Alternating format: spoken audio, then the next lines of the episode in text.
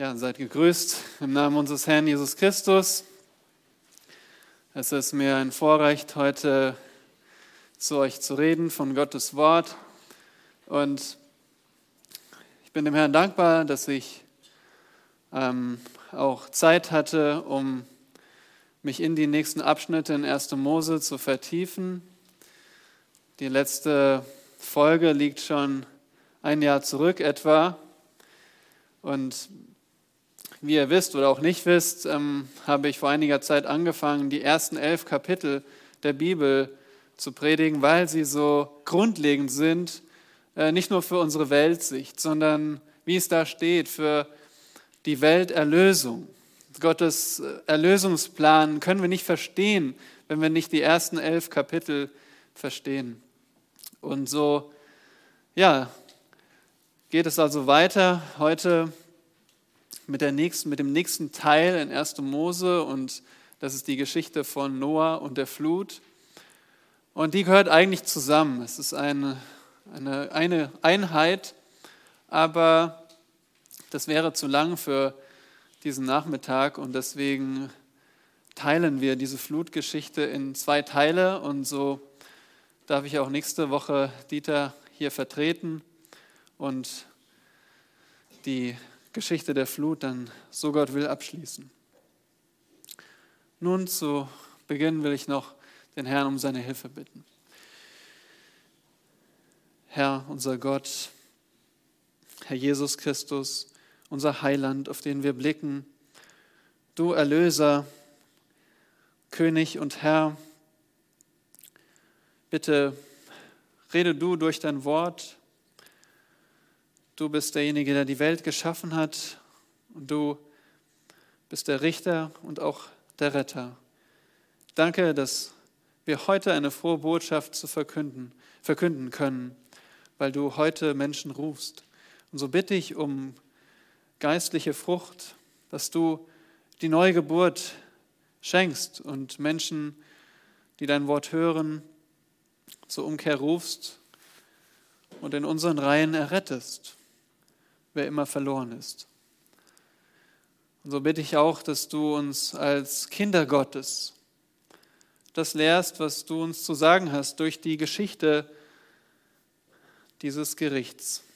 Dass wir uns, dass wir das verstehen und dass wir uns darunter beugen und dass wir deine Herrlichkeit sehen und dass wir in unserem Glauben verändert werden und mehr verstehen, wer du bist. Dass uns das antreibt, dieser Welt die Rettung zu verkünden und vor dem Gericht zu warnen. Und das kannst allein du tun in uns. Bitte verändere uns durch dein Wort, wirke durch dein Wort und gib mir die richtigen Worte. Bitte, Herr Jesus. Amen. Nun, Weltuntergang Seit jeher beschäftigen wir Menschen uns mit diesem schaurigen Thema. Schon nach Abschluss der Bibel gab es sogenannte apokalyptische Schriften, also Schriften über die Endzeit, den Weltuntergang. Und immer wieder gab es Prophezeiungen des Weltuntergangs zu verschiedensten Daten. Ihr kennt das. Und seit es Spielfilme gibt, erscheinen immer wieder neue Versionen. Und auch das kennt ihr. Weltuntergang durch Flut, Weltuntergang durch Erdbeben, Weltuntergang durch Asteroiden, Weltuntergang durch Aliens. Und ihr kennt sicher noch mehr Beispiele. Ja, ist diese Faszination von Weltuntergang einfach menschlich? In einem Interview mit der Süddeutschen widerspricht der Historiker Johannes Fried. Zitat, mit der menschlichen Natur hat das gar nichts zu tun. Die Idee von der Apokalypse gibt es wirklich nur im christlich geprägten Westen. Zitat Ende. Dieser Historiker Fried sieht aber auch Vorteile von der Weltuntergangserwartung, wie zum Beispiel, dass wir zum Klimaschutz und zur Flüchtlingshilfe motiviert werden. Also ist diese Idee von der Deadline für die Erde nicht mehr als nur ein sinnvoller Ansporn zum ethischen Handeln? Nun, genug von diesen Gedanken. Wir können das gleich beiseite setzen. Der Weltuntergang ist keine Spekulation. Ähm, der Weltuntergang hat schon stattgefunden. Die Welt ist schon einmal untergegangen. Nehmt bitte eure Bibeln und schlagt bei 2. Petrus auf. 2. Petrus am Ende der Bibel, 1. 2. Petrus, dann kommt Johannes, Judas Offenbarung, also etwas davor. 2. Petrus Kapitel 3.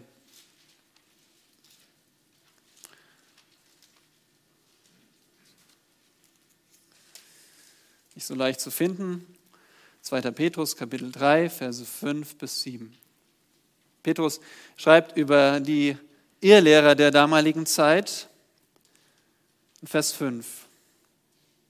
2. Petrus 3, Vers 5. Dabei übersehen sie aber absichtlich, dass es schon vor Zeiten Himmel gab und eine Erde aus dem Wasser heraus entstanden ist und inmitten des Wassers bestanden hat durch das Wort Gottes. Und dass durch diese Wasser die damalige Welt infolge einer Wasserflut zugrunde ging die jetzigen Himmel aber und die Erde werden durch dasselbe Wort aufgespart und für das Feuer bewahrt bis zum Tag des Gerichts und des Verderbens der gottlosen Menschen. Petrus zitiert die vergangene Sintflut als Warnung und Vorschatten für das zukünftige Gericht. Hat Petrus aber diese Flut richtig verstanden? Eine erste Frage wäre, hat sie wirklich die ganze Welt überschwemmt? Denn das sagt Petrus hier, dass die Welt durch Wasserflut zugrunde ging. Die Antwort ist, ja, Petrus hat die Flut richtig verstanden. Äh, nicht weniger als 22 Beweise in 1. Mose zeigen uns, dass die ganze Welt überschwemmt wurde. Ein paar Beispiele. Wir lesen in 1. Mose 6 bis 8, dass Gott beabsichtigte, die ganze Welt zu vertilgen. Wir lesen davon, dass er befahl, ein großes Schiff zu bauen. Wir lesen, dass er riesige Wasserreserven entfesselte. Wir lesen, dass er das Wasser über alle Berge stiegen ließ. Und wir lesen, dass er alle Lebewesen auf der Erde vertilgte. Petrus hat die Flut richtig verstanden. Zweitens, hat sie aber wirklich die damalige Welt zerstört? Petrus sagt, das war nicht nur eine lokale Flut, sondern diese Flut hat die ganze Welt zerstört. Die Welt war vorher da und dann war sie nicht mehr da. Es ist eine neue Welt. Und auch diese Frage bejahen wir. Ja, die Flut zerstörte die damalige Welt. Und das ähm, war sehr faszinierend in meinem Studium des hebräischen Textes.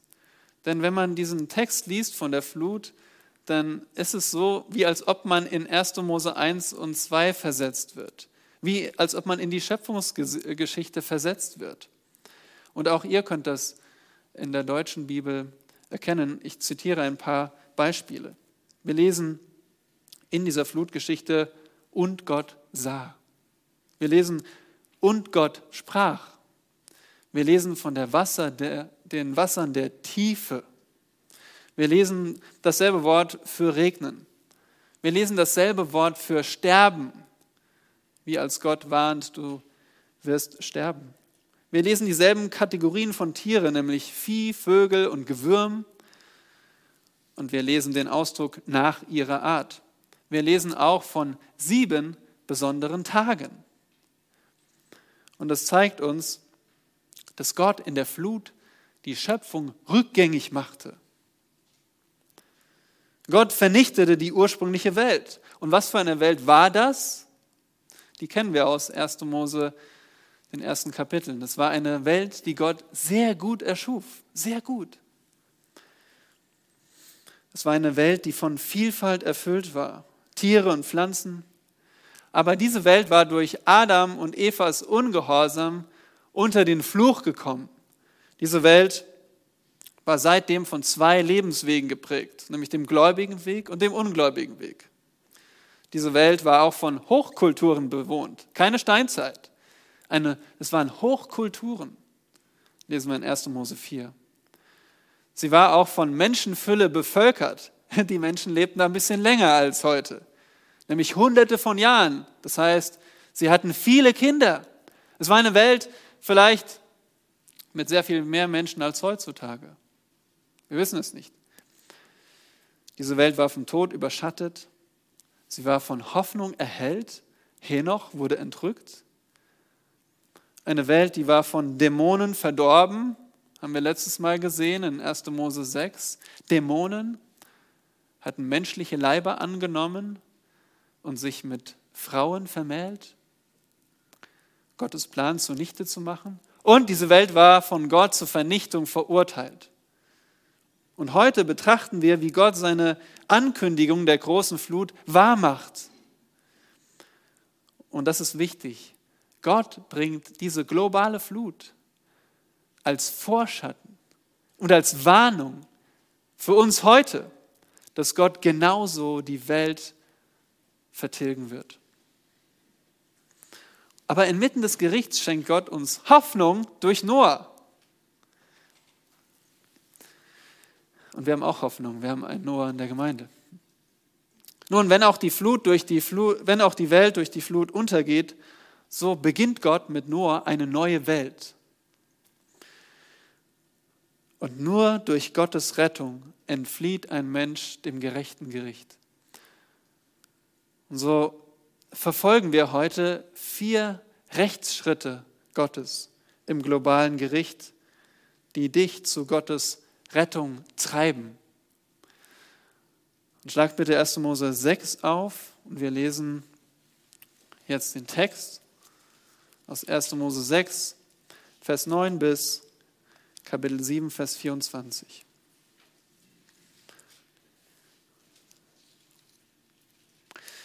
Dies ist die Geschichte Noahs. Noah, ein gerechter Mann, war untadelig unter seinen Zeitgenossen. Noah wandelte mit Gott. Und Noah hatte drei Söhne gezeugt, Sem, Ham und Japhet. Aber die Erde war verderbt vor Gott und die Erde war erfüllt mit Frevel. Und Gott sah die Erde an und siehe, sie war verderbt. Denn alles Fleisch hatte seinen Weg verderbt auf der Erde. Da sprach Gott zu Noah, das Ende alles Fleisches ist bei mir beschlossen. Denn die Erde ist durch sie mit Frevel erfüllt. Und siehe, ich will sie samt der Erde vertilgen. Mache dir eine Arche aus Tannenholz. In Räume sollst du die Arche teilen und sie innen und außen mit Pech überziehen. Und so sollst du sie machen. 300 Ellen lang soll die Arche sein, 50 Ellen breit, 30 Ellen hoch. Eine Lichtöffnung sollst du für die Arche machen, eine Elle hoch, ganz oben an der Arche sollst du sie ringsherum herstellen. Und den Eingang der Arche sollst du an ihrer Seite setzen. Du sollst ihr ein unterstes, zweites und drittes Stockwerk machen. Denn siehe, ich will die Wasserflut über die Erde bringen, um alles Fleisch, das Lebensodem in sich hat, zu vertilgen. Unter dem ganzen Himmel. Alles, was auf der Erde ist, soll umkommen. Aber mit dir will ich meinen Bund aufrichten und du sollst in die Arche gehen, du und deine Söhne und deine Frau und die Frauen deiner Söhne mit dir. Und von allem, was lebt, von allem Fleisch, sollst du je zwei in die Arche führen, dass sie mit dir am Leben bleiben. Und zwar sollen es Männchen und Weibchen sein, von jeder Art der Vögel, von jeder Art des Viehs und von allem Gewürm des Erdbodens nach seiner Art, von allen sollen je zwei von jeder Art zu dir kommen, damit sie am Leben bleiben. Du aber nimm dir von jeglicher Nahrung, die gegessen werden kann, und sammle sie bei dir an, dass sie dir und ihnen zur Speise diene. Und Noah machte es so. Er machte alles genau so, wie es ihm Gott geboten hatte. Und Jahwe sprach zu Noah, geh in die Arche, du und dein ganzes Haus, denn dich allein habe ich vor mir gerecht erfunden unter diesem Geschlecht. Nimm von allem reinen Vieh je sieben und sieben mit dir, das Männchen und sein Weibchen. Von dem unreinen Vieh aber je ein Paar, das Männchen und sein Weibchen. auch von den Vögeln des Himmels, je sieben und sieben, Männchen und Weibchen, um auf dem ganzen Erdboden Nachkommen am Leben zu erhalten. Denn es sind nur noch sieben Tage. Dann will ich es regnen lassen auf der Erde, 40 Tage und 40 Nächte, lang, und ich will alles Bestehende, das ich gemacht habe, vom Erdboden vertilgen. Und Noah tat alles ganz, wie Jahwe es ihm geboten hatte. Und Noah war 600 Jahre alt, als die Wasser der Sintflut auf die Erde kamen. Da ging Noah samt seinen Söhnen, seiner Frau und den Frauen seiner Söhne in die Arche vor dem Wasser der Sintflut. Von dem reinen Vieh und von dem Vieh, das nicht rein war, und von den Vögeln und von allem, was auf dem Erdboden kriecht, gingen Männchen und Weibchen paarweise zu Noah in die Arche, wie Gott es dem Noah geboten hatte. Und es geschah nach den sieben Tagen, dass die Wasser der Sintflut auf die Erde kamen. Im 600. Lebensjahr Noahs, am 17. Tag des zweiten Monats, an diesem Tag brachen alle Quellen der großen Tiefe auf und die Fenster des Himmels öffneten sich. Und es regnete auf der Erde 40 Tage und 40 Nächte lang. Und an eben diesem Tag war Noah in die Arche gegangen mit Sem, Ham und Japhet, seinen Söhnen, und mit seiner Frau und den drei Frauen seiner Söhne. Sie und alle Wildtiere nach ihrer Art, und alles Vieh nach seiner Art, und alles Gewürm, das auf der Erde kriecht, nach seiner Art, und auch alle Vögel nach ihrer Art, jeder gefiederte Vogel. Und sie gingen zu Noah in die Arche, je zwei und zwei, von allem Fleisch, das Lebensodem in sich hatte. Die aber hineingingen, Männchen und Weibchen, von allem Fleisch, kamen herbei, wie Gott ihm geboten hatte. Und Jahwe schloss hinter ihm zu. Und die Sintflut war 40 Tage auf der Erde, und die Wasser schwollen an und hoben die Arche hoch, sodass sie über der Erde schwebte. Und die Wasser wurden so gewaltig und nahmen so sehr zu auf der Erde, dass die Arche auf den Wassern dahinfuhr. Ja, die Wasser nahmen so sehr überhand auf der Erde, dass alle hohen Berge unter dem ganzen Himmel bedeckt wurden. Die Wasser stiegen noch 15 Ellen höher, nachdem die Berge schon bedeckt waren. Da ging alles Fleisch zugrunde, das sich regte auf der Erde. Vögel, Vieh und wilde Tiere und alles, was wimmelte auf der Erde, samt allen Menschen. Und es starb alles, was Lebensodem hatte auf dem trockenen Land. Er vertilgte alles Bestehende auf dem Erdboden, vom Menschen bis zum Vieh, bis zum Gewürm und zu den Vögeln des Himmels. Alles wurde von der Erde vertilgt. Nur Noah blieb übrig und was mit ihm in der Arche war.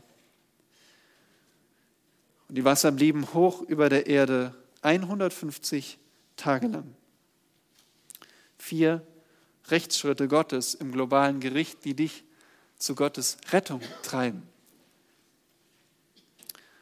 Nun, letztes Mal in Kapitel 6, Vers 5 bis 7 haben wir Einblick gehabt in Gottes Herz. Jahwe hat die totale Verderbtheit der Menschen gesehen. Jahwe hat schmerzhafte Trauer gefühlt in seinem Herzen. Und Jahwe hatte sich die vollständige Auslöschung vorgenommen. In unserem Predigtext heute leitet Jahwe die rechtlichen Schritte ein. Und Gottes Rechtsschritte führen Gerechtigkeit herbei. Gott ist heute genauso gerecht wie damals. Und darum höre auf Gottes Warnung und suche Gottes Rettung. Was ist der erste Rechtsschritt Gottes im globalen Gericht? Nun erstens, Gott verurteilt die Erde. Gott verurteilt die Erde in Kapitel 6, Vers 9 bis 13. Und die ersten Verse zeigen uns den Grund für die Sintflut. Gott verurteilt die Erde für ihre große Sünde. Und im krassen Kontrast dazu steht ein Mann, der gerechte Noah. Das letzte oder der letzte Abschnitt endete so in Kapitel 6, Vers 8. Noah aber fand Gnade in den Augen Jahwes. Am Anfang steht immer Gottes Gnade. Jahwe griff übernatürlich ein in diese zerfallene Welt. Ja, und er erbarmte sich über diesen genauso verdorbenen Noah. Er, er schenkte diesem unwürdigen Sünder, wie es hier steht, seine Gunst, seine Gnade. Und diese Gnade in Noahs Leben, die hatte sichtbare Folgen und das betont jetzt Vers 9. Was steht da? Noah war ein gerechter Mann und er war untadelig unter seinen Zeitgenossen. Gerecht beschreibt hier eine beobachtbare Gerechtigkeit, sein gerechtes Handeln. Noah legte also einen rechtschaffenen Charakter an den Tag. In anderen Worten, er tat das Richtige. Noah handelte nach Gottes Anforderungen und Noah lebte so, wie es Gott gefällt. Gerecht bedeutet, er lebte nach Gottes Willen, nach Gottes Maßstab. Und zweitens, ihr seht das in eurem Text, er war untadelig. Dieses Wort bedeutet in Bezug auf Gott Perfektion. In Bezug auf ein Opfertier bedeutet es frei von Makel. Und in Bezug auf einen Menschen bedeutet es komplett oder ungeteilt. In anderen Worten, dieser Noah, der war völlig Gott hingegeben. Der war nicht hin und her gerissen. Der war nicht mit einem Bein in der Welt und mit dem anderen Bein in Gottes Willen. Er heuchelte nicht ab und zu den frommen Menschen vor und lebte dann wie die Heiden. Nein, er war ganz und ungeteilt für Gott. Er war echt heilig. Und die Zusammenfassung seines Lebens lautet in Vers 9, Noah wandelte mit Gott. An wen erinnert euch das? Ihr dürft antworten. Henoch. Henoch wandelte mit Gott. Genauso Noah. Wörtlich steht hier in Vers 9, mit Gott wandelte Noah. Was, was ist der Unterschied? Nun, das bedeutet, das zeigt uns, die Betonung liegt auf Gott, auf der Abhängigkeit von Gott. Das ist nicht wir wandeln mit Gott, sondern mit Gott wandelt Noah. Wie überlebt man als gläubiger Mensch in einer völlig verdorbenen Welt? Wie kann man so allein stehen wie Noah?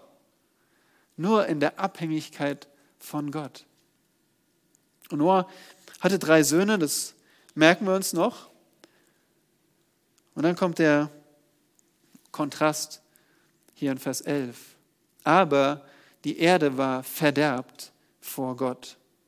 Und ich möchte eure Aufmerksamkeit auf dieses vor Gott legen, richten. Sie war verderbt vor Gott. Also aus Gottes Perspektive war sie verderbt.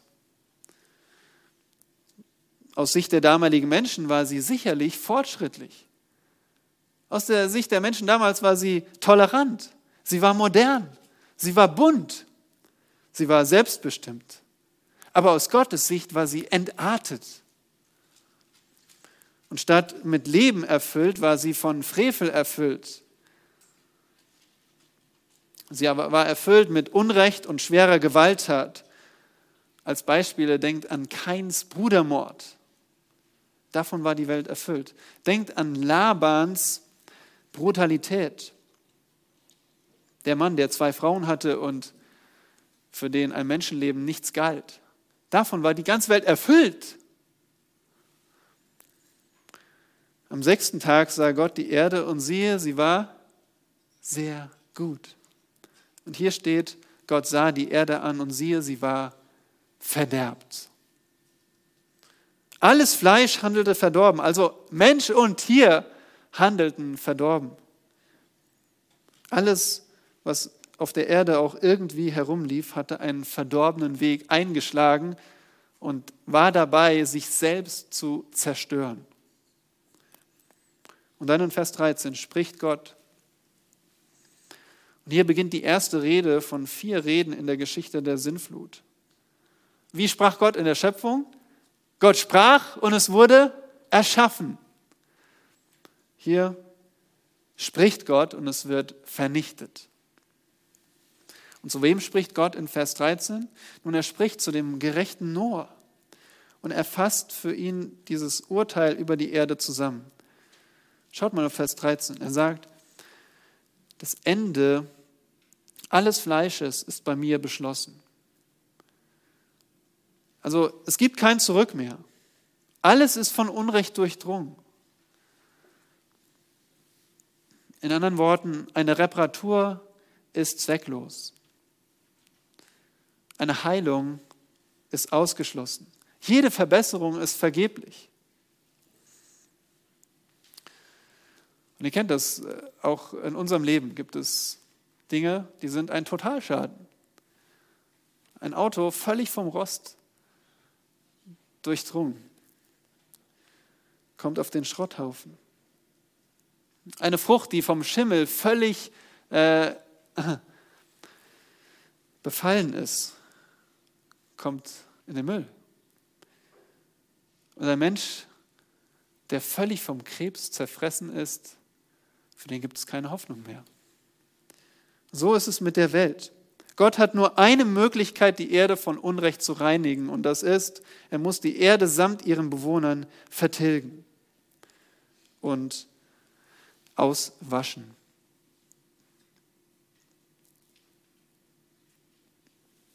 genau das wird Gott tun. Und darum die Frage an dich, wie reagierst du auf Gottes Urteil? Du hörst es jetzt, du bist damit konfrontiert.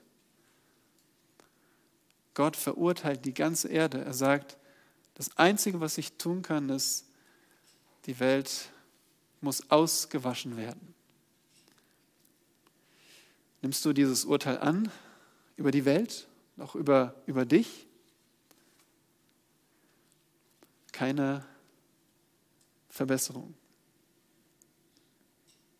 Das ist das eine. Wie, wie nimmst du Gottes Urteil an? Das andere ist, wie lebst du jetzt als Christ in dieser Welt? Wie lebst du im Vergleich zu deinen Zeitgenossen? Gott sagt über Noah, Noah war ein gerechter Mann. Er war untadelig unter seinen Zeitgenossen. Lebst du gerecht?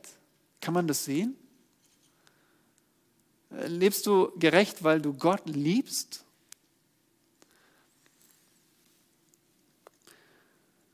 Und wie untadelig lebst du unter deinen Zeitgenossen? Die Menschen, die dich am besten kennen, vielleicht deine Kollegen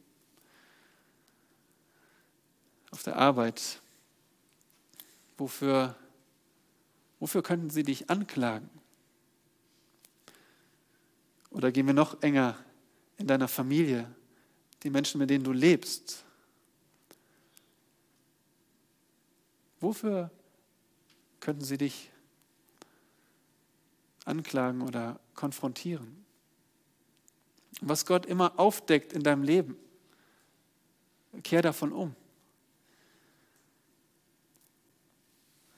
Um Gottes Willen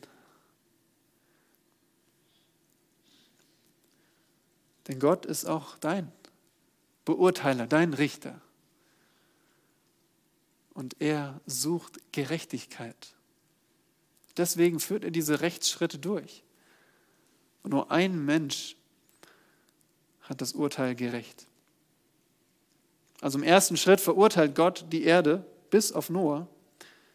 Aber was ist der zweite Rechtsschritt im globalen Gericht? Und zweitens, Gott bestellt die Arche. Gott bestellt die Arche hier in Kapitel 6, Vers 14. Gottes persönliche Rede an Noah, die hat gerade begonnen. Gott kündigt das globale Gericht an, aber er hat die Rettung für Noah schon geplant. Das ist wunderbar. Jetzt offenbart Gott die Pläne für das Rettungsboot, die Arche. Und Vers 14 beginnt mit diesem zentralen Befehl, mache dir eine Arche. Was soll Noah tun? Er soll nicht sensationslustig abwarten, was passiert. Er soll sich auch nicht in seinem Haus einbarrikadieren, wo er weiß, das Gericht kommt. Er soll auch jetzt nicht mathematisch berechnen, wann ist genau das Datum, wann kommt das. Nein, Noah soll aktiv sein. Mache dir eine Arche. Was ist eine Arche? Nun, das hebräische Wort äh, beschreibt einen Kasten. Und so kommt auch unser Wort Arche vom lateinischen Arca, Kasten. Die Arche war einfach ein Kasten. Und Gott ist ein Ingenieur. Das fasziniert mich. Gott gibt Noah klare Anweisungen zum Bauplan der Arche und uns damit Einblick in seine Ingenieurskunst. Und da möchte ich euch gern mitnehmen. Hier in Vers 14 beginnt es. Da lernen wir über das Material der Arche. Mache dir eine Arche aus Tannenholz. Nun, wörtlich steht hier Gopherholz. Wir wissen nicht, welche Bäume das genau waren. Die Welt ist ja untergegangen. Aber vermutlich war es ein harzhaltiges Holz, möglicherweise eine Zypresse. Auf jeden Fall bin ich überzeugt, Gott wählte ein beständiges, ein hartes Holz, das für den Schiffsbau gut geeignet war. Zweitens lernen wir hier in Vers 14 die Abteilung der Arche. Er sagt, Noah, in Räume sollst du die Arche einteilen. Also dieser Holzkasten sollte nicht nur ein großer Frachtraum sein, sondern sollte eingeteilt werden in einzelne Räume. Drittens lernen wir über die Versiegelung der Arche in Vers 14. Sie soll innen und außen mit Pech überzogen werden. Klar, damit kein Wasser eindringt, befahl Gott, die Arche gleich doppelt mit Pech zu versiegeln. Also einmal außen und innen. Besser kann man es nicht machen. In Vers 15 erfahren wir dann die Dimension der Arche. Sehr interessant. 300 Ellen lang, 50 Ellen breit, 30 Ellen hoch. Nun, wisst ihr jetzt, was gemeint ist? Das müssen wir übersetzen in, was, was bedeutet das? Wie groß war das Ding? Und da meine Frage an euch, welche Vorstellung habt ihr von der Arche? Und die Kinder haben eine Vorstellung von der Arche. Nahezu jede Kinderbibel hat ein Bild von Noahs Arche. Und mit hoher Wahrscheinlichkeit unrealistisch. Und ein erstes Bild habe ich euch mitgebracht. Das ist ein Kinderbuch über die Arche.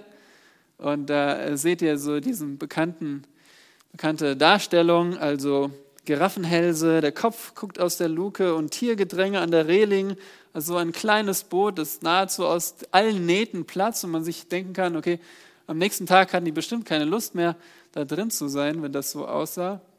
Aber klar, ist natürlich für Kinder gemacht. Ähm, ein zweites Bild habe ich gefunden bei uns zu Hause in einer Kinderbibel, also ist auch ganz niedlich eigentlich.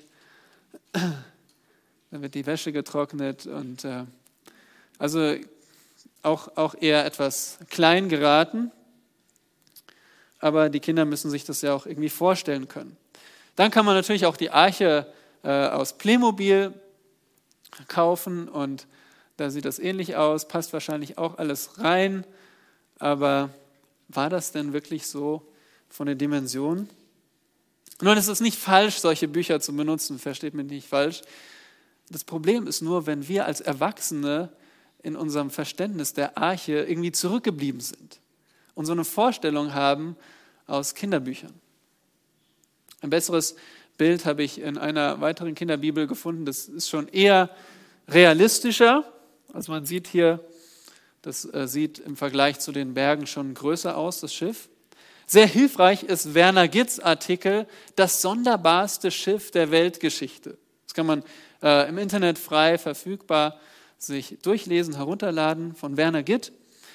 Und in diesem ähm, Artikel hat er auch ein Bild abgedruckt aus einer Lutherbibel von 1720, das ich euch zeigen möchte.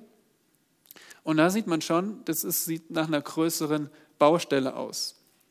Also da sind hier so Kräne und das ist also eine realistische Darstellung von der Arche. Und wenn es euch zu klein ist, dann könnt ihr euch gerne mal diesen Artikel selbst auch ansehen.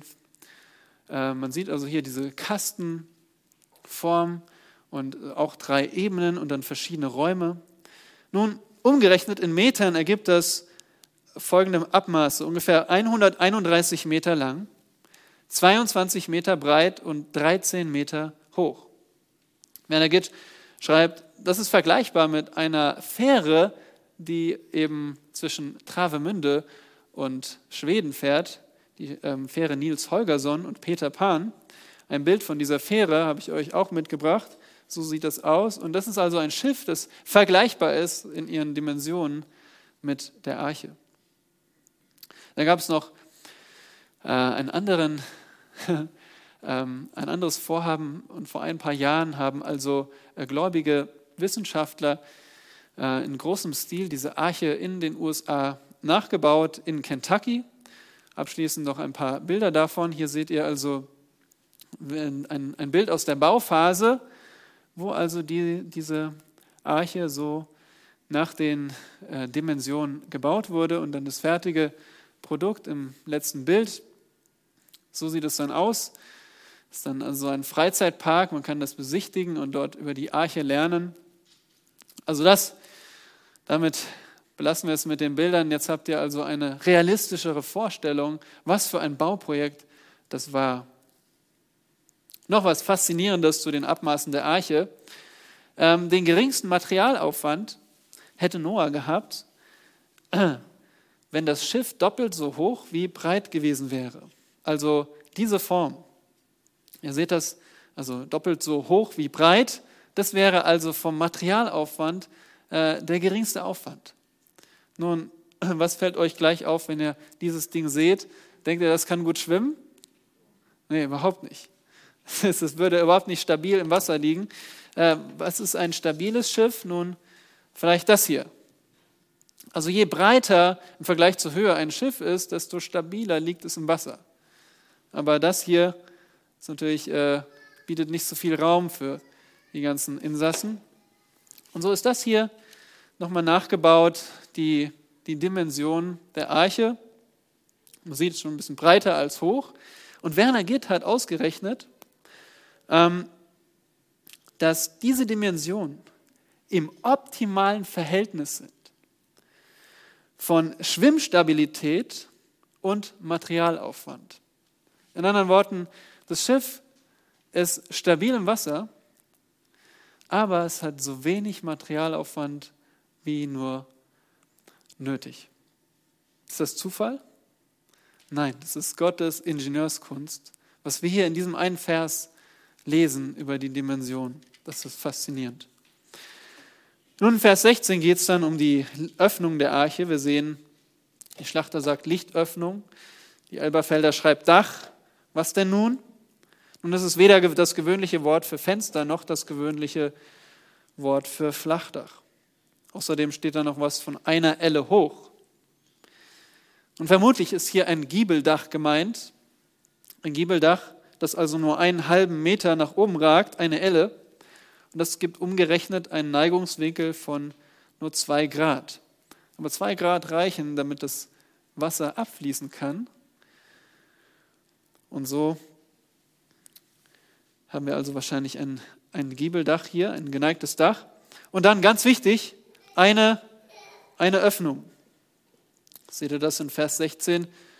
Den Eingang der Arche. Was nützt ein Rettungsboot ohne Eingang? Aber Gott wollte retten. Und deswegen gebietet er, mache einen Eingang. Und dann sehen wir noch die Ebenen der Arche in Vers 16. Ein unterstes, zweites und drittes Stockwerk. Und somit haben diese drei Decks eine Fläche von 1,2 Fußballfeldern, also größer als ein Fußballfeld.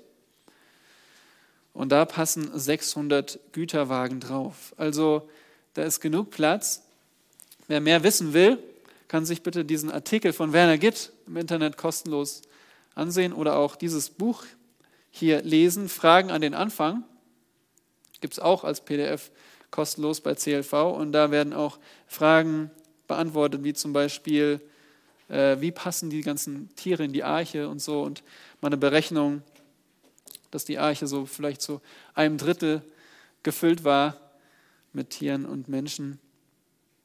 Nun, warum ausgerechnet eine Arche? Warum braucht man das Ding? Schaut mal in Vers 17.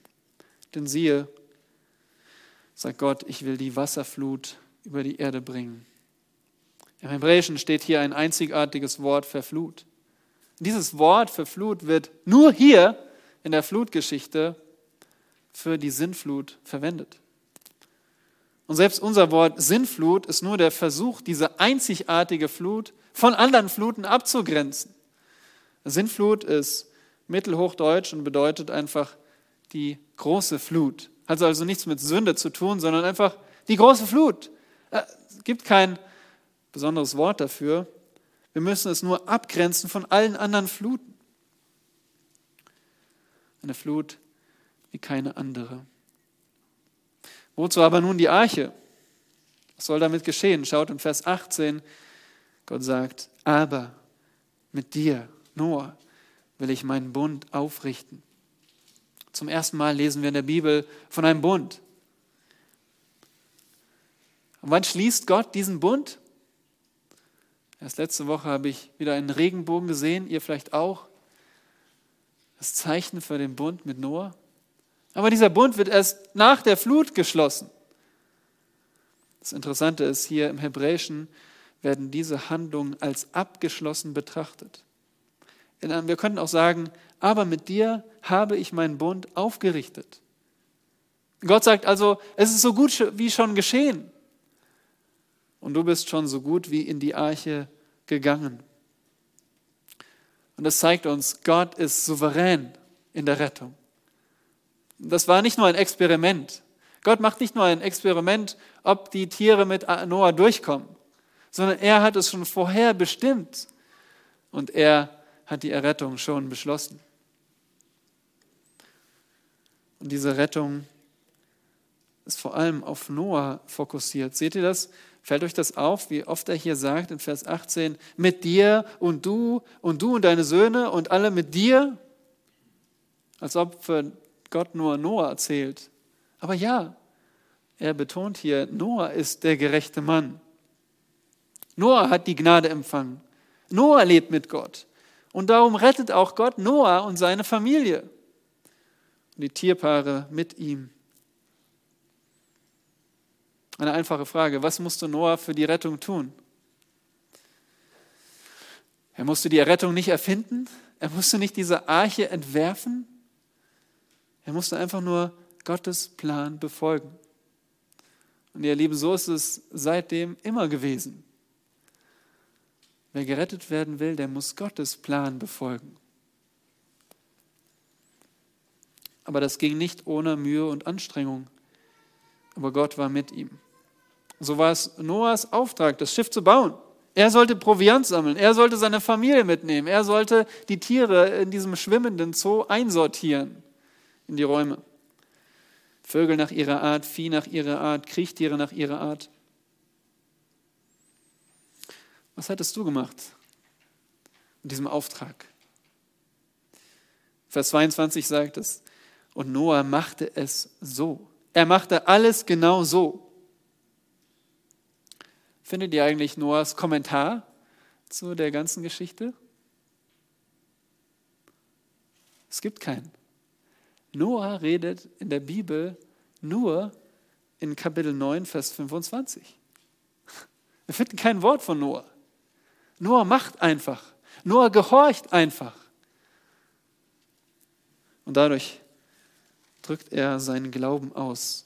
Wie es in Hebräer 11, Vers 7 steht auf eurem Gemeindeblatt. Durch Glauben baute Noah, als er eine göttliche Weisung empfangen hatte über die Dinge, die man noch nicht sah, von Gottesfurcht bewegt, eine Arche zur Rettung seines Hauses. Durch ihn verurteilte er die Welt und wurde ein Erbe der Gerechtigkeit aufgrund des Glaubens. Abgesehen davon, dass du heute im Gottesdienst bist, wie drückst du deinen Glauben aus? Wie kann man das sehen, dass du glaubst? Welche sichtbaren Folgen hat das? Bei Noah konnte man es sehen. Er baute diese Arche. Und ich habe gute Nachricht für dich. Gott hat dir nicht aufgetragen, eine Arche zu bauen. Aber du weißt, was er dir aufgetragen hat. Du kennst seinen Willen. Wie sieht man in deinem Leben, dass du Gott glaubst? Sichtbar.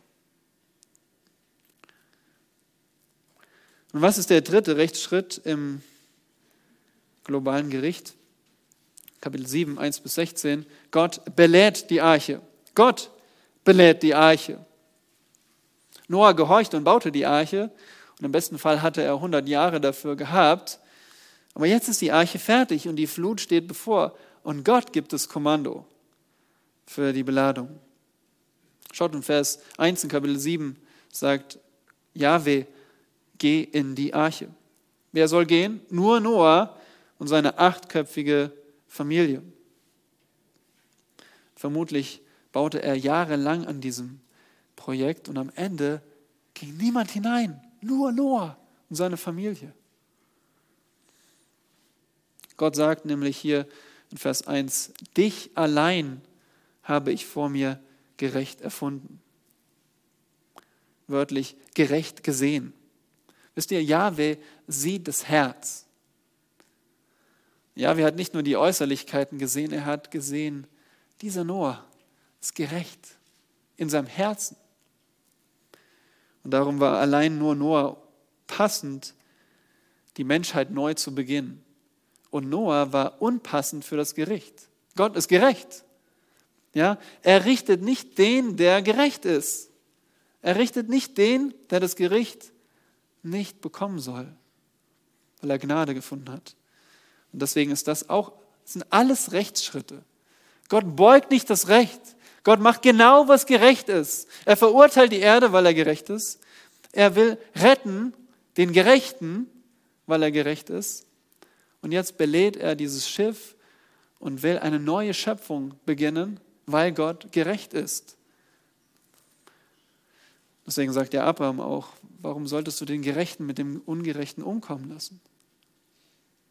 Und so geht Noah in die Arche, nimmt Tierpaare mit. Von den reinen Tieren sollte Noah sieben Paare mitnehmen. Warum? Nun, Kapitel 8, Vers 20 lesen wir, dass er von den reinen Tieren opferte. Deswegen, wenn man opfert, dann tötet man die Tiere. Deswegen sollte er mehr Tiere mitnehmen. Gott sorgt vor. Und dann sehen wir in Vers 4, dass die sieben Tage angekündigt werden. Sieben Tage, dann kommt der Regen. Gott schuf in einer Woche und nun wird in einer Woche die Schöpfung rückgängig gemacht. Und wie reagiert Noah? Vers 5. Noah tat alles ganz wie Jahwe es ihm geboten hatte. Noah gehorchte in den Details, also nicht nur generell, sondern er macht es genau so, in den Details.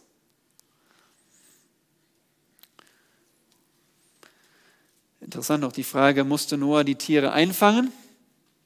Habt ihr das gesehen?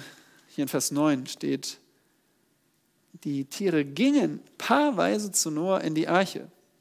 Also Noah musste die Tiere nicht auf dem Globus einsammeln, sondern die Tiere kamen zu ihm. Wo habt ihr das schon mal gesehen? dass Tiere zu Menschen kommen.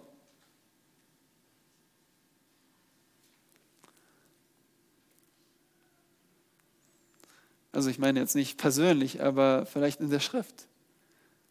Adam. Adam saß da und die Tiere kamen zu ihm. Nun, deswegen ist keine Überraschung, dass Noah wie ein neuer Adam ist, der eine neue Schöpfung beginnen soll. Und da werden wir darauf vorbereitet. Aber dann in Vers 10 geht es schließlich los. Die Flut beginnt. Und diese wird genau datiert. Im 600. Jahr, am 17. Tag des zweiten Monats. Und da lernen wir die zwei Hauptmechanismen der Flut kennen. Erstens die Quellen der großen Tiefe. Und es war wahrscheinlich unterirdisches Wasser unter Hochdruck. Verbunden mit vulkanischer Energie brach diese Wassergewalt hervor also Wasser unter dem Erdboden, plötzlich freigelassen. Eine andere Möglichkeit ist, dass der Meeresboden aufbrach, Lava herauskam oder Magma und dann das Wasser plötzlich erhitzt wurde und in die Atmosphäre aufdampfte. Und dann sehen wir die Fenster des Himmels in Vers 11. Das Wasser kam also nicht nur von unten, sondern auch von oben. Und da waren natürlich nicht tatsächliche Fenster, aber das Wasser kam von oben, wie wenn man Luken aufmacht. Und so kam das Wasser von oben und der Erdboden muss sehr schnell aufgeweicht worden sein. Es haben sich alles mit Wasser vollgesogen. Was passiert? Erdrutsche, Erosion. Das heißt, ähm, da war nichts mit hoher Berge und man kann ja noch vor dem Wasser fliehen, sondern es war alles, ist alles so in sich zusammen, in sich zusammengefallen durch, durch das ganze Wasser. Mindestens 40 Tage regnete es ununterbrochen. Und wer steht dahinter? Und im Hebräischen heißt es hier, alle Quellen der großen Tiefe wurden aufgebrochen. Sie wurden aufgebrochen, die Fenster wurden geöffnet. Von wem? Von Gott. Gott ist derjenige, der hier diese Mechanismen beginnt. Er ist der heilige Richter der Erde. Wir sehen in Kapitel 7, Vers 13 bis 16 nochmal einen ausführlicheren Blick auf die Szene der Beladung. Also es wird so richtig ausgekostet, nochmal diese Beladung. Wir sehen sie, wie Noah in die Arche geht und dann dieser Satz am Ende. Und Yahweh schloss hinter ihm zu. Wie erleichternd, aber auch wie furchtbar. Erleichternd, dass dass sie in Sicherheit waren. Die Flut war draußen, Noah und die Tiere innen drin. Aber wie furchtbar. Die letzte Möglichkeit zur Rettung war jetzt vorbei. Die Tür war zu. Der Zug war abgefahren. Die Chance war vergeben. Yahweh hatte das Rettungsboot fertig beladen. Und was ist der vierte Rechtsschritt im globalen Gericht? Viertens, Gott vertilgt die Erde. Die Arche ist beladen, die Tür ist zu. Jetzt führt Gott sein angekündigtes Gericht aus. In 150 Tagen wird alles Lebendige außerhalb der Arche vernichtet, weil Gott gerecht ist.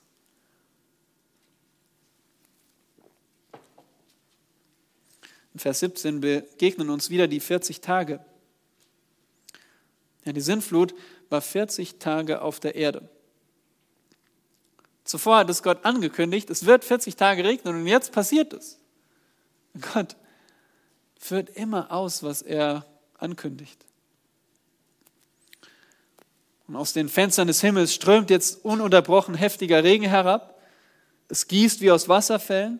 Außerdem brechen diese Quellen der Tiefe auf Vulkanexplosionen, der Meeresboden bebt und die Wellen sprudeln hervor und die Flut kommt über die Erde. Was aber geschieht mit der Arche? Vers 17 und 18 heißt es, die Wasser schwollen an und hoben die Arche hoch. Sie wird angehoben vom Erdboden.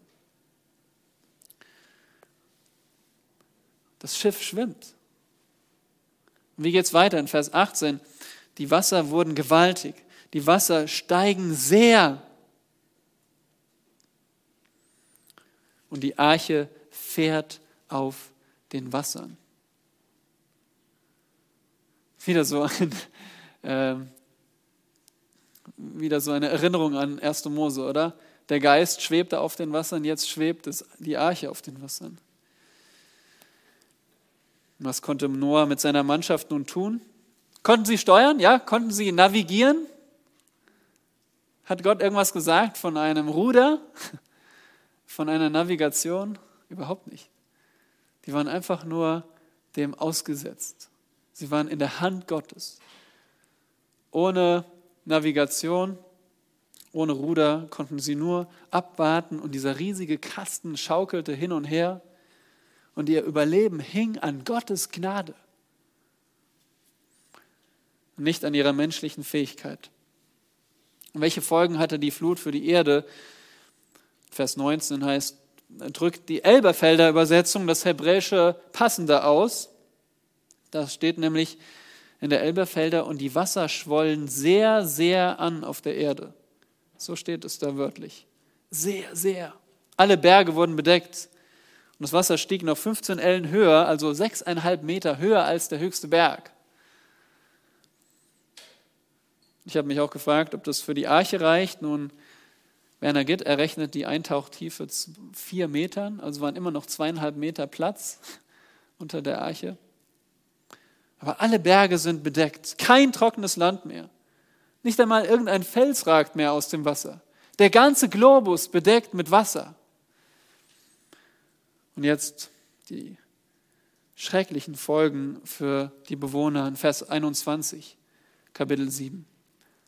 Da ging alles Fleisch zugrunde.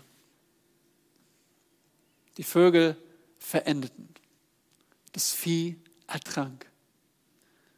Die Wildtiere kamen um. Die Insekten, die Würmer, die Reptilien, die Amphibien, alle ausgelöscht. Und alle Menschen. Alles, was Odem hatte. Alles mit Lebensodem in der Arche überlebte und alles mit Lebensodem außerhalb der Arche starb. Achtet mal auf das Wort Vers 22. Und es starb alles. Dieses Wort starb ist dasselbe Wort wie in Kapitel 2, Vers 17, wo Gott sagt, an dem Tag, da du von der verbotenen Frucht isst, musst du gewisslich sterben. Und hier wird der Leser erinnert, der Hörer wird erinnert daran, dass diese Menschen sterben, weil sie Sünder sind, weil es Gottes Gericht über die Sünde ist. Deswegen sterben Mensch und Tier. Nun, wir haben Noahs, von Noahs Arche gelesen, von der Strafe für Sünder. Aber von wem haben wir noch nicht gelesen? Von Gott. In Vers 23 steht hier, er vertilgte.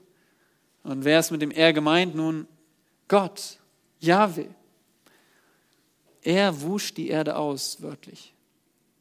In 6 Vers 7 sagt er, ich will auswaschen. In 7 Vers 4 sagt er, ich werde auswaschen. Und hier in 7 Vers 23, ich habe ausgewaschen. Alles wurde vertilgt. Nur Noah blieb übrig. Und Noah wurde gerettet wegen Gott. Vers 24 fasst die bisherige Flut zusammen. Die Wasser blieben hoch. Nun, man könnte hier anhand der Schlachterübersetzung den Eindruck bekommen, dass die Wasser einfach so lange hoch standen.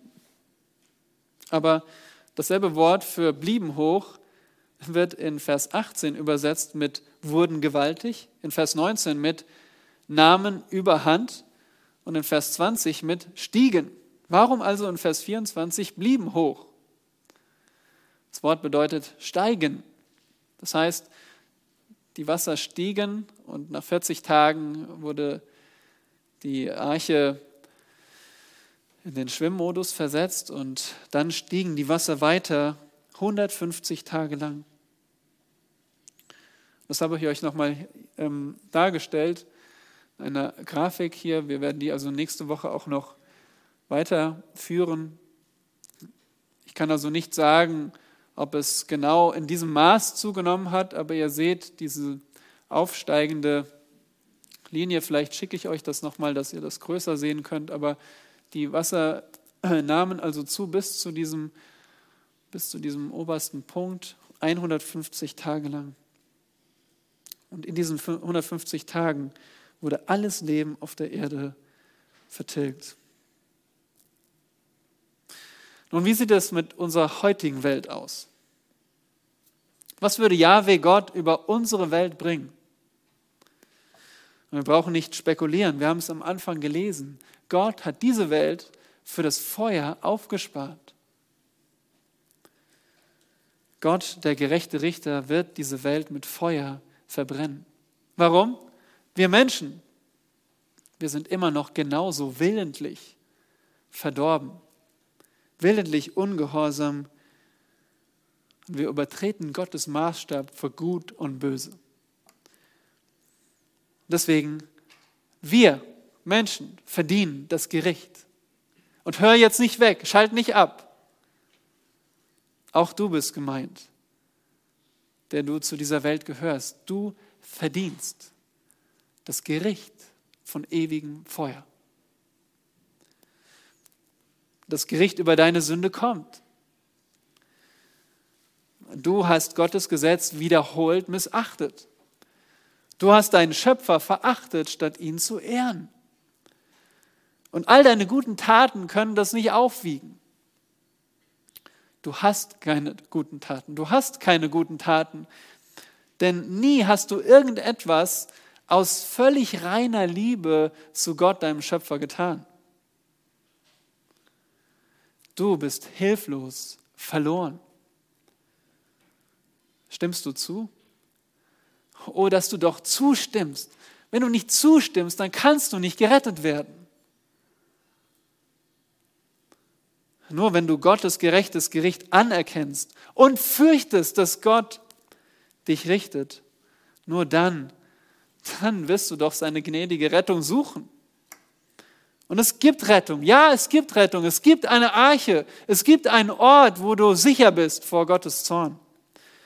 Und es gibt diesen sichtbaren Ort, der ist am Kreuz Jesu Christi. Ja, der Herr Jesus Christus, er kam Gott wurde Mensch und er lebte ein gerechtes Leben an unserer Stelle.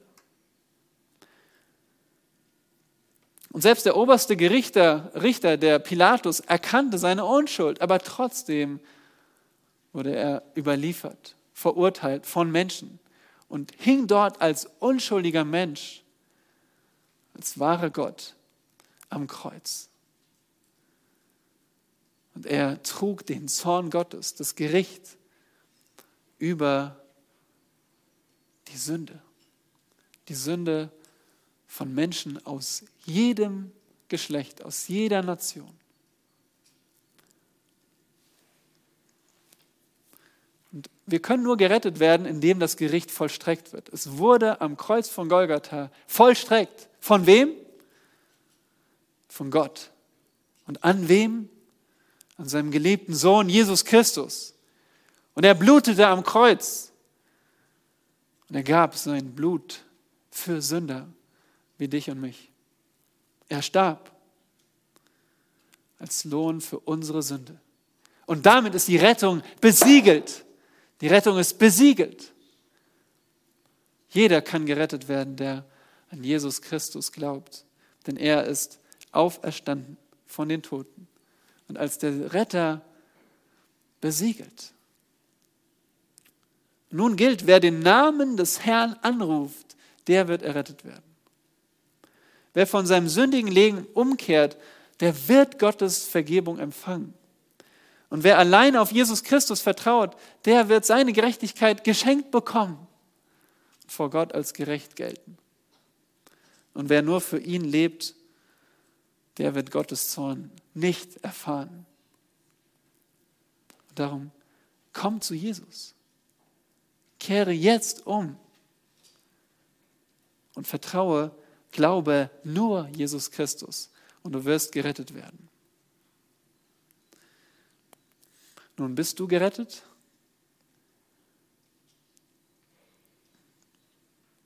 Ich sage ja, ich bin gerettet. Und ich möchte uns gemeinsam ansprechen, weil ich genauso angesprochen bin.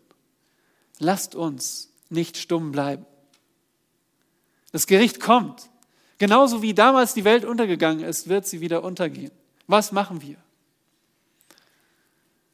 Haben wir den Mut, zu unseren Mitmenschen zu gehen und zu sagen, diese Welt wird im Feuer zergehen. Gott wird diese Welt im Feuer verbrennen und auch du wirst verbrennen, wenn du nicht jetzt zu Jesus Christus umkehrst.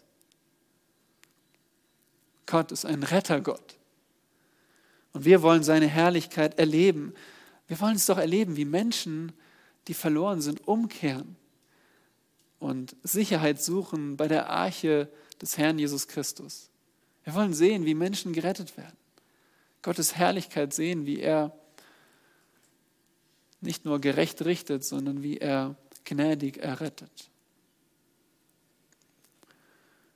Wir wollen sehen, wie unsere Gemeinschaft wächst wie unsere Gemeinschaft wächst und Menschen hinzukommen zu unserer Schiffsmannschaft auf dem Weg zu Gottes neuer Welt, zu seiner neuen Schöpfung, die er schafft. Amen.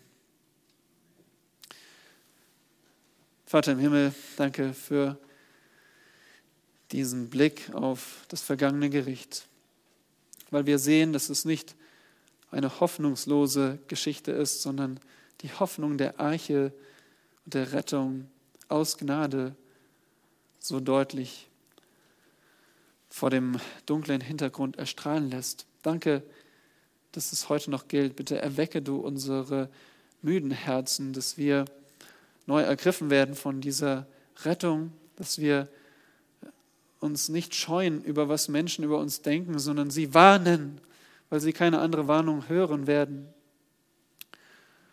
Dass wir glauben, dass du rettest, weil es nicht nur acht sind, die gerettet werden, sondern viele. Danke dafür. Danke, dass die Zahl noch nicht voll ist, dass die Tür noch nicht geschlossen ist. Und so bete ich, wer immer vor der Tür steht, Herr, bitte ruf du ihn, geh in die Arche, komm in die Arche, komm zum Herrn Jesus Christus. Du bist es, der souverän rettet. Und so bete ich, dass du rettest, wer immer unter uns verloren ist. Amen.